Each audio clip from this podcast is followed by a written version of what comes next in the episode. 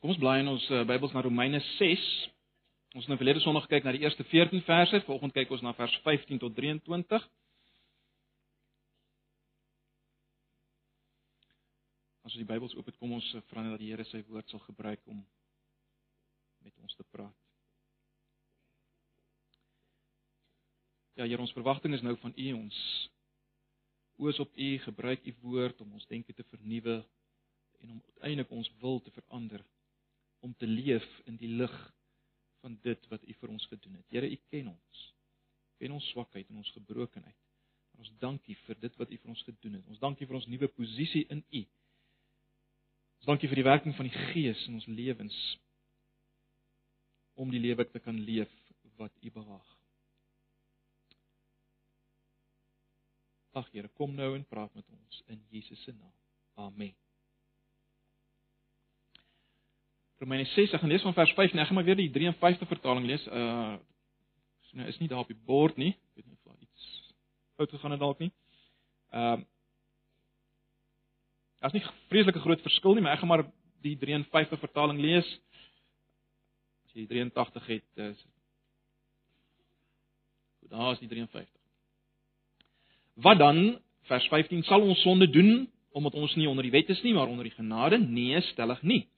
Weet julle nie dat aan wie julle julleself as diensknegte, nou die, die letterlike woord in Grieks natuurlik slawe, tot beskikking stel om uh, hom gehoorsaam te wees, julle diensknegte of dan slawe is van hom aan wie julle gehoorsaam is nie, of van die sonde tot die dood, of van die gehoorsaamheid tot geregtigheid. Maar ons dank God dat julle wel diensknegte van die sonde was, maar van harte gehoorsaam geword het aan die voorbeeld van die leer wat aan julle oorgelewer is en vrygemaak van die sonde, het julle diensbaar geword aan die geregtigheid. Ek spreek menslikerwys ter wille van die swakheid van julle vlees, want net soos julle julle lede diensbaar gestel het aan die onreinheid en wetteloosheid om wetteloos te wees, so moet julle nou julle lede diensbaar stel aan die geregtigheid tot heiligmaking. Want toe julle diensknegte was van die sonde, was julle vry van die geregtigheid. Watter vrug dan het julle toegehad van die dinge waaroor julle julle nou skaam? Want die uiteinde daarvan is die dood. Maar nou dat julle vrygemaak is van die sonde en diensbaar geword het aan God, het julle vrug tot heiligmaking en uiteindelik die ewige lewe.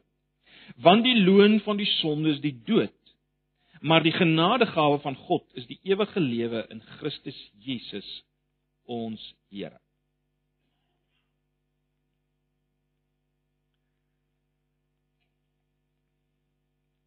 Nou ja, ek dink julle sal my saamstem, uh As 'n mens jou bestuurderslisensie kry vir die eerste keer, verkry jy eintlik 'n geweldige vryheid, is dit nie?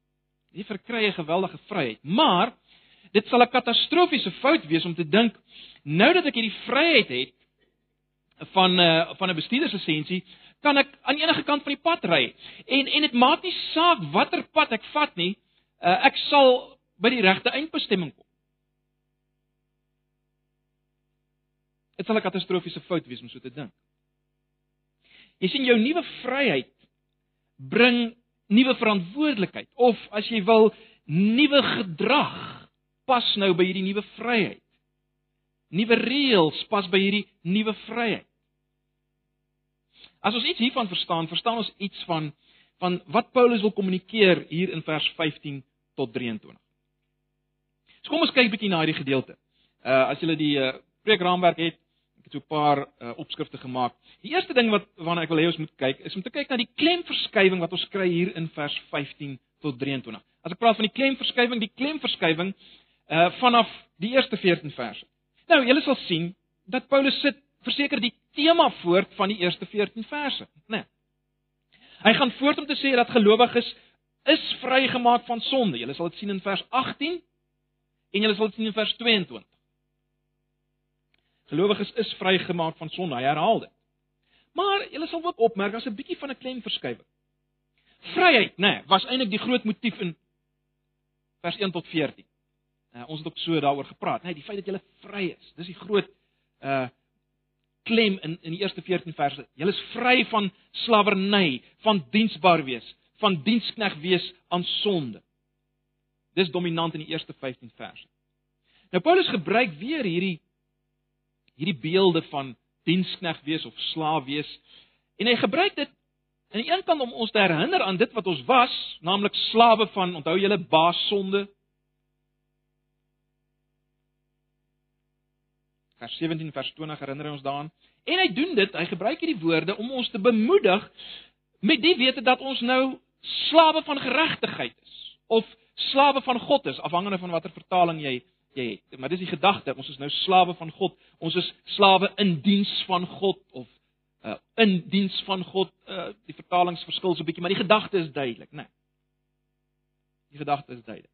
So die die fokus in hierdie gedeelte is op hierdie oorgang wat plaasgevind het vanaf die een toestand van slawerny na 'n ander slawerny. Om dit bietjie anders te stel. Verlede Sondag sal julle weet dat ons die klem laat val op die feit dat ek en jy het 'n nuwe identiteit. Ons het 'n nuwe identiteit want die ou mens wat ons was, die ou mens in Adam, uit God se perspektief is daardie ou mens dood. Hy het gesterf toe Christus gesterf het. En 'n nuwe mens het opgestaan. En daarom het ons eintlik niks meer te doen met baas sonde nie. Ons hoef nie vir hom te luister. En ons kan ons kan as te ware sonde teenstaan vanuit hierdie nuwe identiteit en nee sê.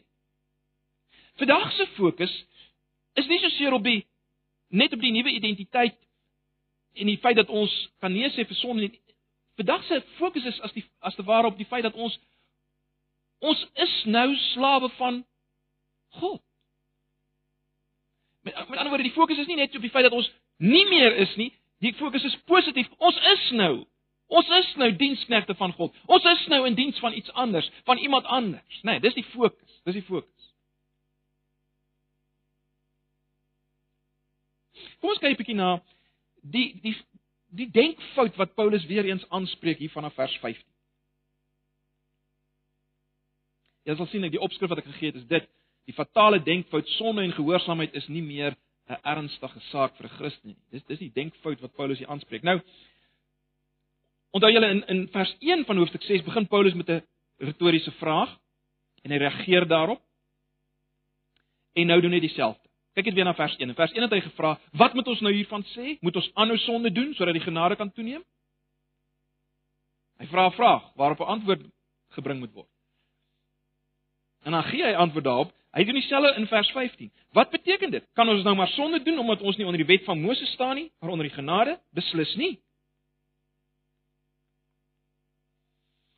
Die eerste vraag wat hy vra in vers 1 van hoofstuk 6 vra hy na aanleiding van 'n opmerking wat hy in hoofstuk 5 vers 20 gemaak het. Onthou julle het gesê eh, waar sonde toegeneem het, het genade nog meer toegeneem. En en nou kon ouens hom verkeerd verstaan en hy hy antwoord 'n soort van 'n 'n moontlike vraag wat aan die lig daarvan gevra kan word. Hierdie vraag in vers 15 vra hy na aanleiding van die opmerking wat hy maak in vers 14 toe hy gesê het ons is nie meer onder die wet nie, ons is onder die genade. Met ander woorde, ons is nie meer onder die heerskappy van die van die wet nie, maar onder die genade nie meer onder die ou bedeling, die hele ou wetsbedeling met alles wat dit behels nie. Ons is onder 'n nuwe bedeling wat hy noem genade. Hy kontrasteer die twee met mekaar. Nou Die opmerking wat hy gemaak het in vers 14 kan maklik aanleiding gee tot sommige ouens wat kan redeneer, oké. Okay, dan sonde seker nie meer belangrik nie. Of ag ons is so vry Ons is so absoluut vry dat gehoorsaamheid aan die Here is nie meer so groot issue nie, want ons is absoluut vry. Ek meen ons is onder genade. Niks is meer so erg nie. Dit dis hoe mens moontlik sou kon redeneer en is hierop wat Paulus dan antwoord en hy gebruik hierdie frase uh die letterlike vertaling weet julle dan nie of die 83 vertaling sê julle weet tog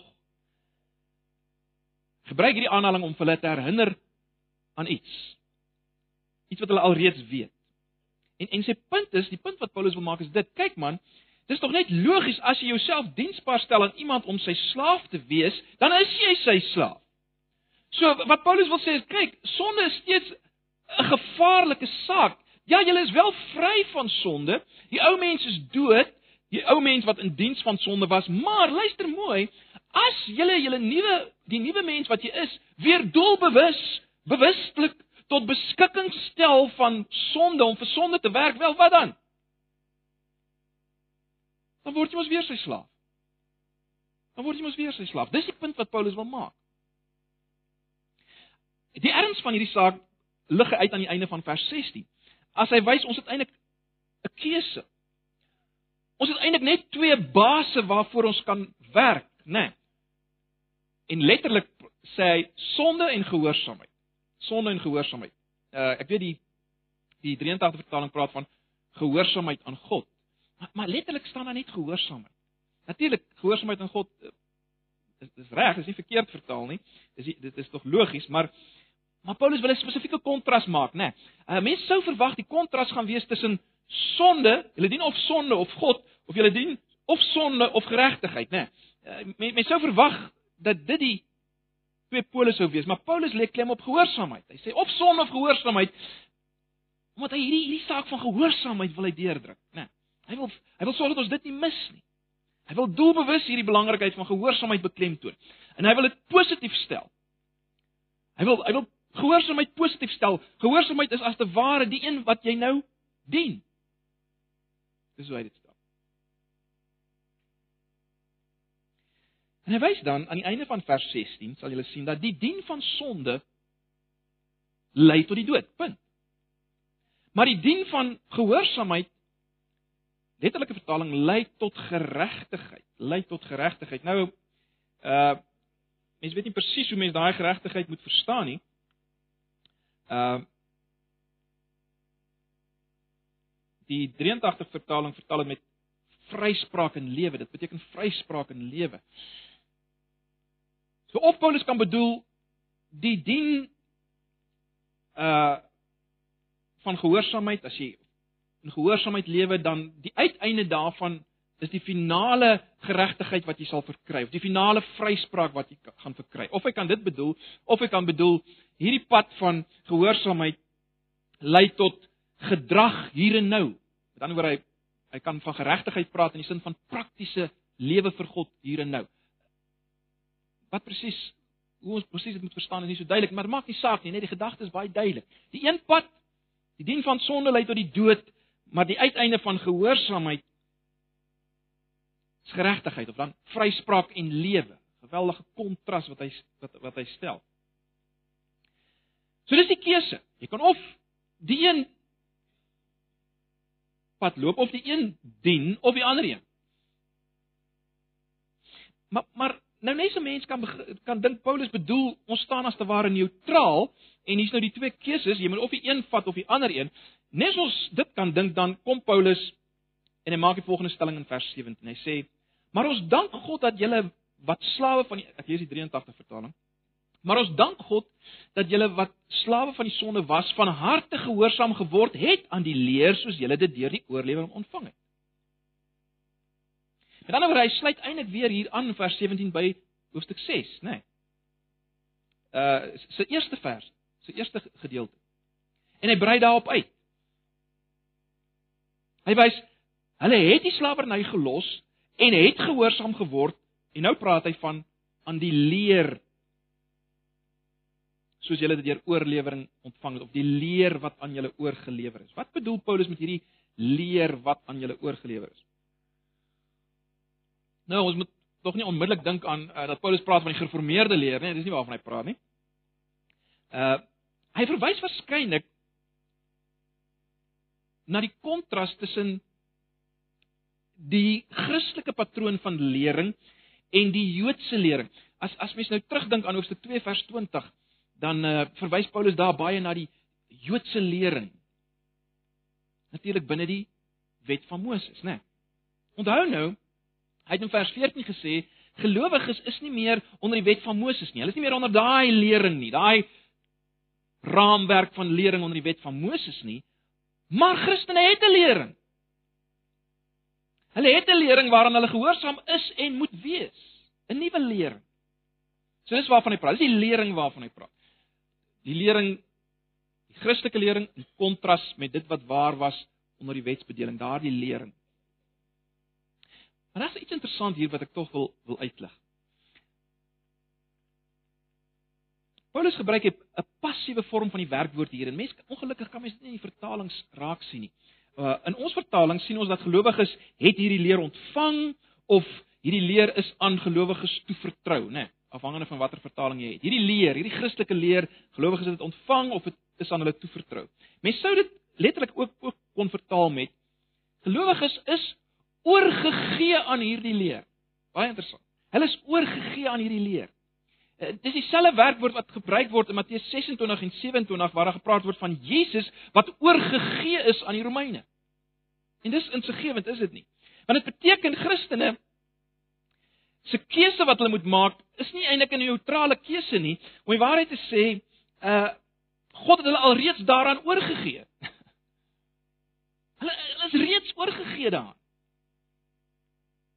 Hulle is nie in 'n neutrale posisie eintlik om te besluit wie hulle wil gehoorsaam. In vers 18 gaan Paulus nou voort om dit duidelik te maak dat Christene is oorgebring, as jy wil, van die as jy wil die sweer van sonde na die van geregtigheid. Hy maak dit baie duidelik, dit is wat met julle gebeur het in vers 18, né? Dit is wat julle gemeet gebeur het. Ons dank God dat julle van die sonde vrygemaak is en slawe van God geword het. Met ander woorde, julle is nie meer hierdie kant nie, julle is daai kant. Nee, hy maak dit weer duidelik in vers 18. Dis soos die 83 vertaling dit stel. So wat is die implikasies van hierdie oorbeweeg? En dis belangrik. Dis eintlik die groot punt, is dit nie?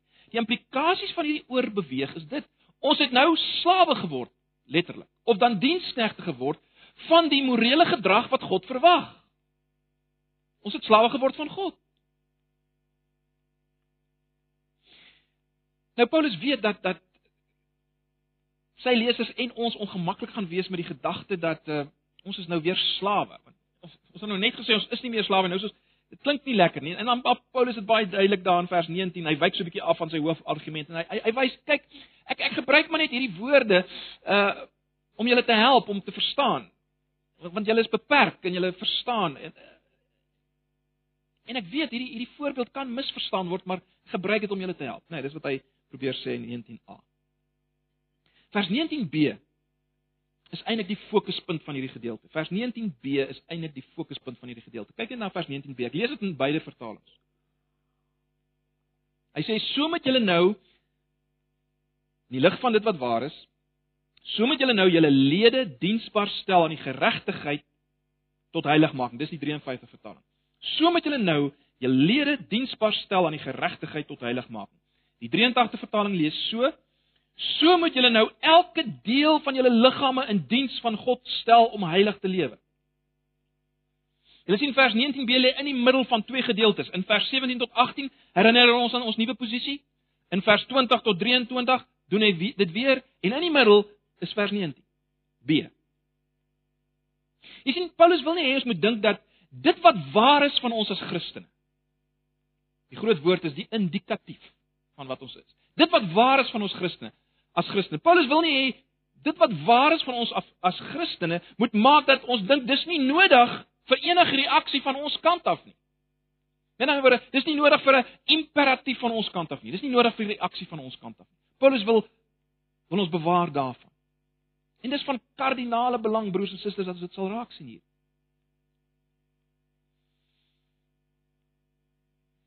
Hy gebruik in vers 19b dieselfde woord werkwoord as as wat hy in vers 13 al gebruik het. Hy sê stel elke deel van julle liggaam beskikbaar tot diens van God. Nou die letterlike woord, die die Griekse woord is letterlik offer offer elke deel van julle liggaam op tot diens van God.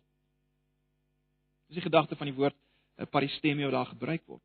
En dan oor gee alles wat jy is, al jou kapasiteite, al jou vaardighede, gee dit oor aan slawerny tot geregtigheid.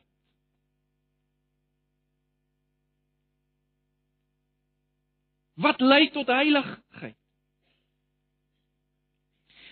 En dan oor om die beeld te gebruik wat ek aan die begin gebruik het van die eh, van die van die van die lisensie. Wat Paulus per definisie sê is ja, jy is vry. Jy het jou lisensie. Jy kan nou bestuur, maar luister hier. Ry op die pad van geregtigheid. Ry op daardie pad en ry na die einddoel, heiligmaking. Dis jou bestemming. Ry soontoe. Jy is vry, maar sorg dat jy soontoe ry. Dis wat hy sê. Nou heiligheid waarvan hy hier praat, uh kan of verwys na die die proses van heiligmaking of uh na die toestand self van van heiligheid, heelheid, né, nee, volkomendheid. Hoe dit ook al sê, dit is baie duidelik, die einddoel, die einddoel is as jy wil gelykvormigheid aan Christus. God gelykvormigheid. Dis waarna ons op pad is. Dis die pad. Sy eindbestemming. En nou is dit interessant, julle sal opmerk in vers 19 dat Paulus suggereer hier met die woordjie soos, as hy sê soos. Uh 83 vertaling weens julle beperkte begrip wat hy ek, ons het nou daaroor gepraat, gebruik ek 'n beeld uit die alledaagse lewe en dan sê hy soos julle elke deel van julle liggaam gestel. Soos is 'n belangrike woord. Met ander woorde, hy impliseer dat julle diens aan geregtigheid, julle diens aan God as jy wil, moet net so sterk wees soos wat die diens aan onreinheid en totale wetteloosheid die diens aan boosheid is en was in nie Christen. Net so sterk moet dit wees. En ek dink dit help ons nogal uh dit help ons nogal as ons as ons net dink aan dit wat ons rondom ons sien, né? Uh as ons kyk na hoe mense met absolute opoffering en passie sekere dinge in hierdie lewe najag, né? Met passie en opoffering en gerigtheid jaag mense uh eer vir hulle self, prestasie, geld, mag, welis. Maak nie saak nie. Jag hulle na. En en in die proses gee hulle hoegenaamd natuurlik nie om uh, wat die middele is wat hulle gebruik daarvoor nie. Hulle gee hoegenaamd nie om hoe God daaroor voel nie, maar uh, hulle het passie daarvoor. Paulus sê as te ware hier soos hulle dit doen. So moet julle dit. Dis hoe ons prakties geregtigheid wat lei na heiligheid moet najag met passie, maar natuurlik met 'n absolute bewustheid dat alles vir God saak maak, dat alles vir hom belangrik is, né? Nee, dis die verskil tussen ons in die wêreld. Maar maar die die ooreenkoms is daar, né? Nee, soos hulle dit doen. So moet julle dit doen.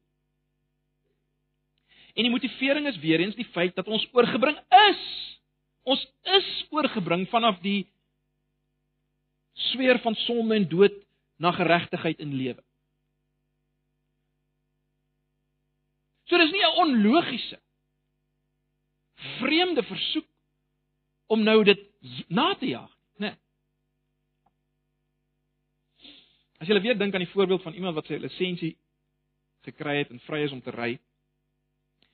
As jy kyk na vers 20 tot 23, wat ons eintlik hier kry is dit: die pad van nie-Christene en die eindbestemming wat hulle oënskynlike en aanlangstekens vryheid hulle bring. En ons kry die pad waarop Christene hulle self bevind in hulle vryheid en die eindpunt waarna toe hulle op pad is. Dit dit word alles beskryf in vers 20 tot 23, né? Nee. Dit word beskryf in vers 20 tot 23. As net vir 'n oomblik kan stil staan by die by die nie-Christense pad. Nie-Christene voel baie dikwels dat hulle meer vry is as Christene, né? Hulle is meer vry as hierdie Christene wat as te ware nou gevangenes is van hierdie Christelike ding. Hulle moet nou so lewe. So ons is meer vry as nie Christene. Paulus kom wys dat nie Christene het inderdaad 'n vryheid. Die vryheid om nie regverdige lewens te lei. Dis hulle vryheid. Met ander woorde, hulle is nie werklik vry nie. Werklike vryheid of selfstandigheid is nie eintlik 'n opsie vir hulle nie. En dit is baie belangrik. As jy vanoggend hier sit en jy dien nie die Here nie, uh of jy dit besef of nie, jy is besig om sonde te dien en jy kan nie eintlik anders nie. Jy's jy's nie vry nie. Jy dink jy's vry. Dis dieselfde gedagtes wat Paulus in Efesiërs 2 uitlig, né? Uh as hy sê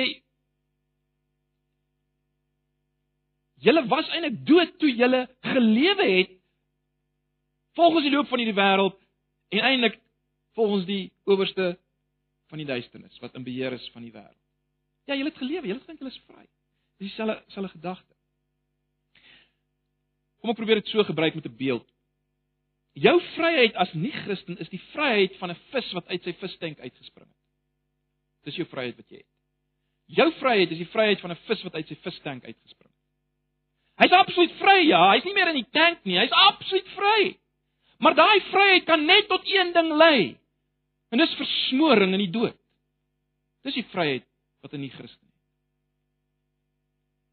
Ons as Christene is 'n vryheid, is 'n vryheid van 'n vis in 'n visbak.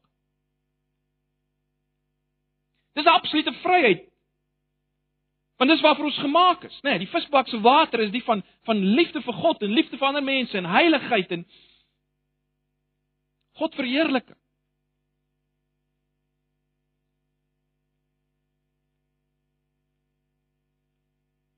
Dis ons vryheid. Net wel is binne hierdie visbak.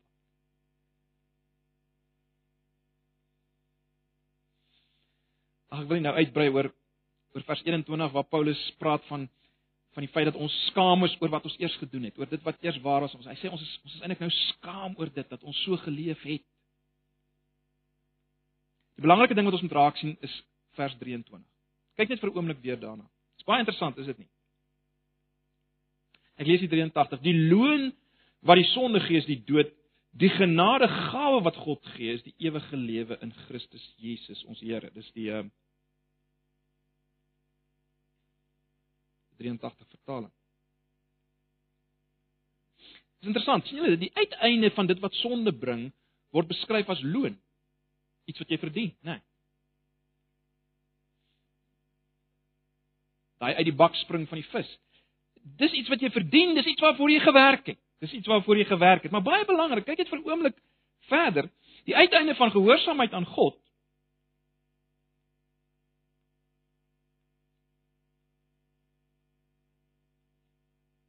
wat die pad van geregtigheid bring. Baie interessant, dit word alles beskryf nie as loon nie, maar as 'n geskenk.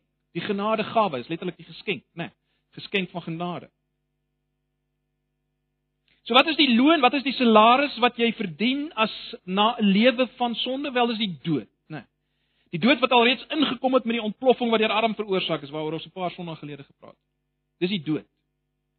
'n Dood wat beteken 'n geestelike dood uit verhouding met God en mense wat uiteindelik lei op tot 'n fisiese dood. Dis waarvoor jy jou afsloof as jy nie Christen is nie. Dis waarvoor jy lewe. Dis waarvoor jy jou inspann. Jy sloof jou af daarvoor. En jy gaan jy gaan vrug, jy gaan betaal word daarvoor. Die dood. Moet dit weet.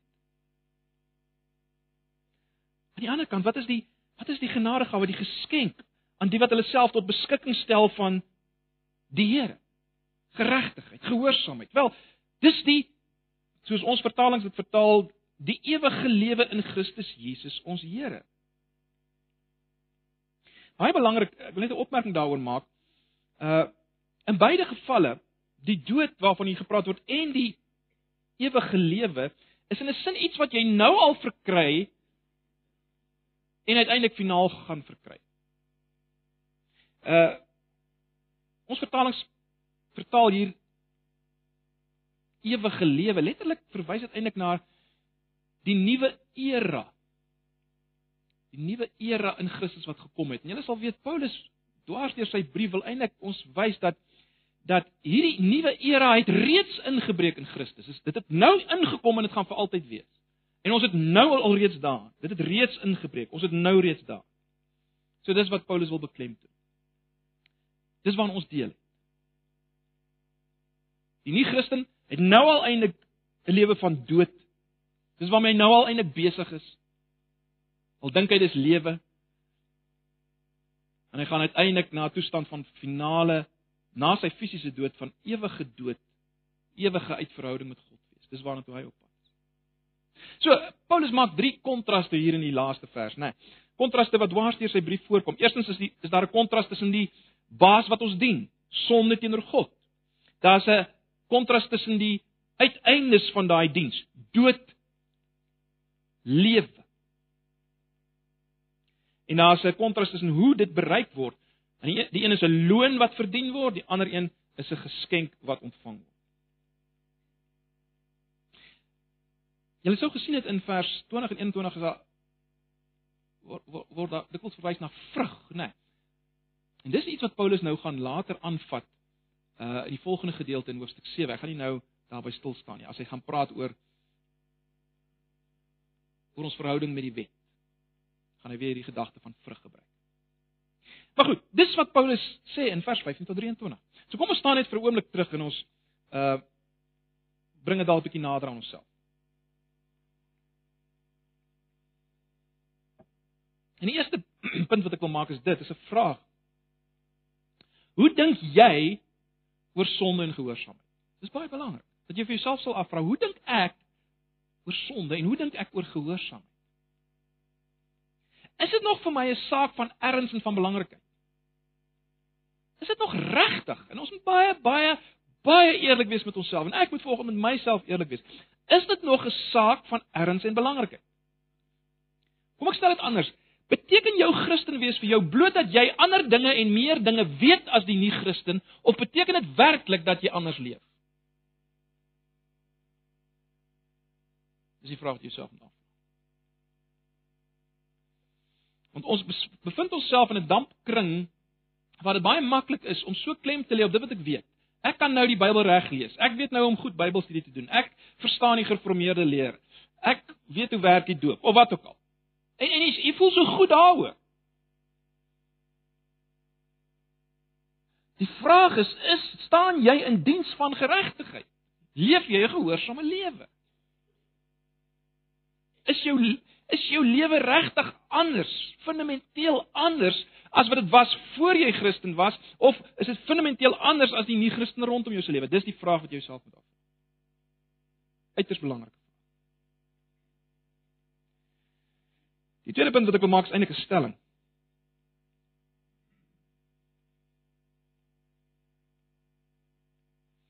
Ons moet dit vanoggend vir mekaar sê, 'n Christen wat leef in sonde of 'n Christen wat nie leef in gehoorsaamheid aan God nie.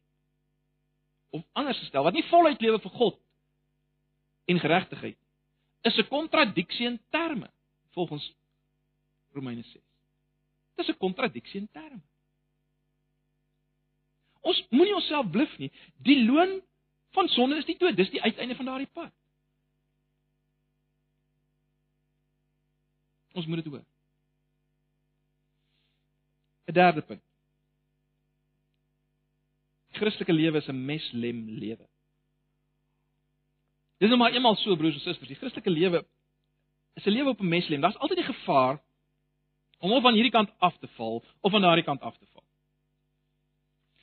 Daar's die ouens wat glo dat wat ons of of oortuig is dat wat ons doen het niks te maak met wat ons glo nie. Jy moet net eenvoudig as Christen goeie dade doen. Gee vir die armes. Sorg vir die siekes. Uh dit maak nie eintlik saak wat jy glo nie en ehm uh, soms wonder myself of dit saak maak vir ons of jy hoegenaamd glo. Jy moet net hierdie goeie goed doen. Le leef net gee, sorg ensovoorts. Aan die ander kant is daar weer die wat meen dat Christelike gehoorsaamheid gebeur outomaties. Kyk, is die Here wat eintlik maar net alles deur jou doen. Jy's nie eintlik regtig daarbey betrokke nie. En daarom is dit so belangrik om om om die balans wat Paulus hier gee in Romeine 6 baie goed te begryp. Jy sien dit wat ons moet doen. Die groot woord die imperatief. Dit wat ons moet doen, die imperatief, is net so belangrik soos dit wat God vir ons gedoen het wat ons is in Christus. Die twee is absoluut onlosmaaklik mekaar verbind. Ja, julle julle ken die uitdrukking, ons moet in die praktyk al meer word in die praktiese lewe van elke dag, by my huis, by my werk, in my gesin, prakties moet ek al meer word dit wat ek reeds is in Christus. Jy sien hierdie twee hoort by mekaar. Jy kan nie dit losmaak. Dis wat jy moet word. jy kan dit nooit losmaak. En nou baie belangrik en dit hier eh, kan mens maklik weer eens afval, né? Nee. Ons word hier en nou. Ons al meer word wat ons is hier en nou. Is nie maar bloot 'n stryd wat ek op my eie voer nie. En dan oor 'n jaar, die Here het my nou gered. Hy het alles vir my gedoen uit genadeheid, maar nou moet ek hierdie stryd voer. Dit, dit, dit is nie die geval nie. Dis nie die punt hier. Met ander woorde, moet nooit dink ja, regverdigmaking, dit kom deur genade. Heiligmaking, dit kom deur my eie worsteling. En dit is baie maklik om so te dink. Wat ons moet onthou broers en susters is dat die genade en die krag van God wat ons geregverdig het gaan voort om in ons te werk in ons heiligmaking. Ja, God verwag ons moet hom gehoorsaam. Natuurlik. Maar daardie gehoorsaamheid is gegrond en gloei uh, uh, vloei voort uh uit sy genade. Dis 'n produk van sy genade. Dis is 'n ware produk van sy genade. 'n Ou Puritein, Jeremiah Burroughs het dit so gestel, het gesê from him, dis dis van Christus. As from a fountain sanctification, let wel. Sanctification flows into the souls of the saints.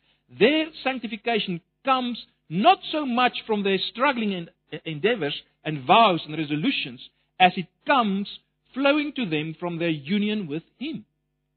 Jy sien, ook ons heiligmaking is nie los van ons eenheid met Jesus nie. As te ware, daar moet 'n 'n vloei vanaf hom wees. 'n Ander teoloog, Helmut Tielike, het dit so gestel. Hy sê, "Believers are responsible to open their mouths." Sien, nou is ons verantwoordelik. So that they may drink from the river of sanctifying grace uiters uiters belangrik. Kom probeer dit nog meer prakties maak.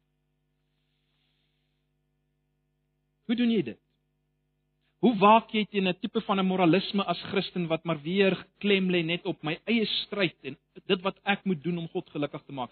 Wel die antwoord is broers en susters om om terug te gaan na die wat ons weet die die die Christelike dissipline soos ons dit noem. Die basiese dinge, né? Die oorbekende dinge van die lees van sy woord, gebed, aanbidding van die Here, der lofprysing. Daai baie basiese dinge. Dis die manier hoe ons in kontak bly met genade. Dis hoe God sy genade in ons instort. Dis genademiddels. En dis wat ons beweeg om gehoorsaam te wees. Jy sien, ons moet daai balans hou. God beloof ons om deur hierdie dinge sy genade aan ons te gee. En al ons aktiwiteite, al ons aktiwiteite as individue, al ons aktiwiteite as gemeente, ons moet vir onsself afvra, is dit effektiewe kanale van God se genade in ons? En van uit dit moet ons gehoorsaamheid aan die Here lei.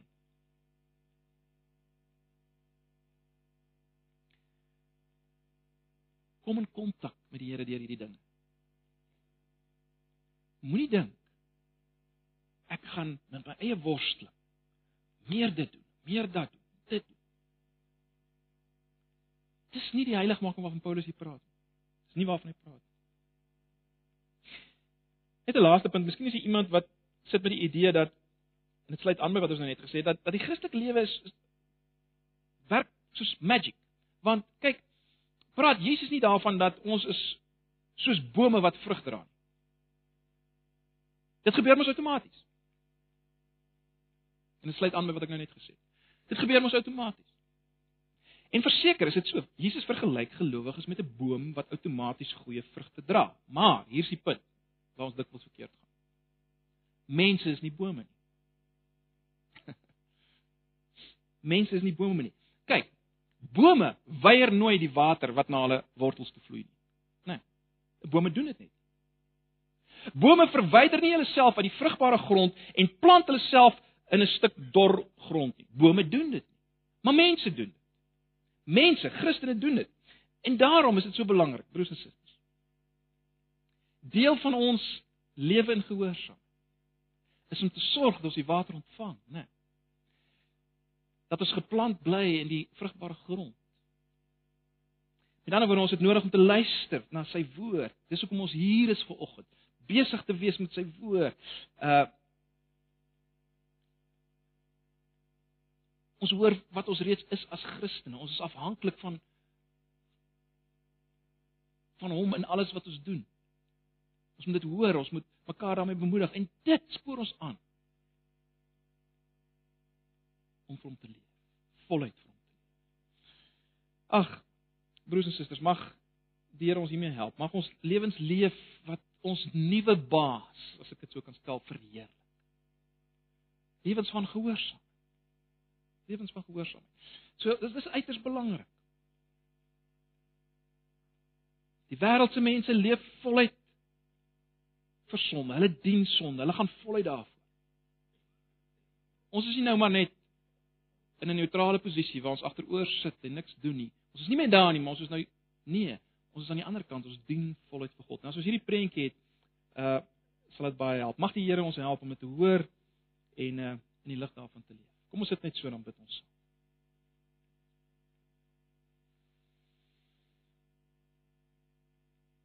Ag Here, baie dankie vir die woord. Dankie vir die wonderlike wete van wat ons is in U. Maar Here, help ons om vanoggend te hoor dat ons